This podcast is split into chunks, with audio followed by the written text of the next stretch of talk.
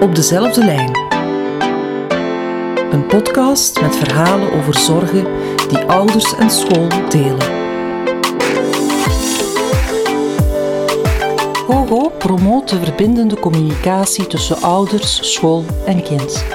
Om verbindend te kunnen samenwerken is het belangrijk om je in te leven in de ander. Dit is de eerste stap om elkaar beter te begrijpen. Luister naar deze podcast, leef je in en verruim je blik.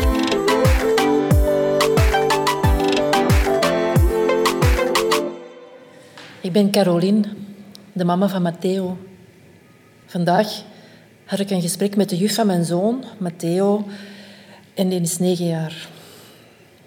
Ik ben er al een hele tijd niet goed van. Volgens de juf is Matteo op school agressief, kan hij moeilijk met andere kinderen omgaan, vecht hem vaak en stoort de lessen voortdurend. Daarin herken ik Matteo totaal niet. Thuis is hij gewoon een vrolijk kind. Hij luistert meestal wel als ik iets vraag.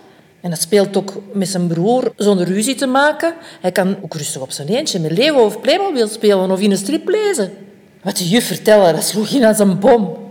Ik kan het eigenlijk nog altijd niet geloven. Dat beeld dat zij ophangt van mijn zoon, ik zat daar maar. Geschokt.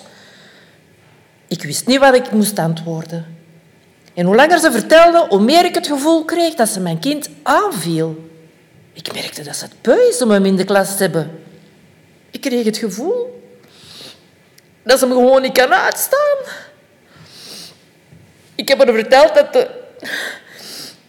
dat thuis helemaal anders is en dat ik hem zo niet ken. Maar ik kreeg het gevoel dat ze me niet geloofde. Het is mijn verhaal tegen het haren natuurlijk. De juf die vroeg om Matteo thuis op zijn gedrag aan te spreken. Dat hij van ons moest leren dat zijn gedrag niet kan. Maar ik weet eigenlijk niet waar ik moet beginnen. Hoe praat ik hier nu over met mijn kind? Ik kan hem toch niet straffen voor dingen die hij thuis helemaal niet doet. En waarom gedraagt hem zich zo slecht op school? Misschien ligt het wel aan de klas of aan de juf. Eigenlijk voel ik mij radeloos. Want hoe begin ik hier nu aan? Ik durf dat ook niet vertellen tegen andere mensen, want ze zullen mij zien als een slechte moeder. Ja. Op mijn man kan ik niet veel rekenen op dit moment. Zijn moeder is zwaar ziek en haar verzorging ja, slokt veel van zijn tijd op. Vandaag kon hem er niet bij zijn omdat ze naar het ziekenhuis moest. Het is al een zwaar periode voor ons en nu nog deze erbij. Ik ben Cindy, de juf van het vierde. Ik sta al vele jaren in het onderwijs en ik denk dat ik al heel wat ervaring heb opgebouwd. Zowel in het uitleggen van de leerstof als in klasmanagement. dit jaar heb ik in mijn klas een leerling die echt heel moeilijk is om mee om te gaan. Hij stoort voortdurend de lessen en gedraagt zich asociaal en agressief tegenover zijn klasgenoten. Ik heb echt al heel veel energie in hem geïnvesteerd en geprobeerd om zijn gedrag bij te sturen, maar niks dat helpt. Heb de ouders er niet eerder over aangesproken, omdat ik dacht dat ik het alleen kon oplossen, maar nu ben ik stilletjes aan ten einde raad. Ik had gehoopt door een gesprek met de ouders meer te betrekken bij wat er gaande is en hun hulp te kunnen inroepen. Misschien hebben ze thuis zelf al dingen geprobeerd om het gedrag van Matteo bij te sturen. Dan komen we wel, samen met Matteo, dacht ik. Dat is helaas niet gelukt. Ik voel me na het gesprek zelfs moedelozer dan ervoor. Caroline, de mama van Matteo, kwam alleen naar het gesprek.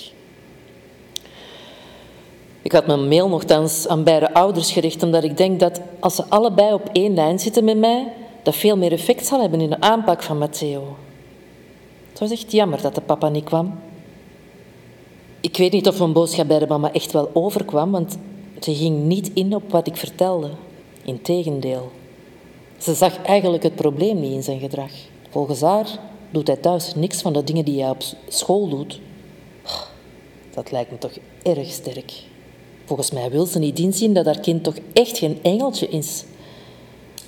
Ik kreeg niet de respons dat ik gehoopt had. En als ik de ouders al niet meekrijg, ja, hoe kan ik dan met dit kind werken? Ik weet het niet meer. Dit was een podcast van Kogo. Koepel van ouderverenigingen van het officieel gesubsidieerd onderwijs. Luister ook naar mijn verhaal op kogo.be.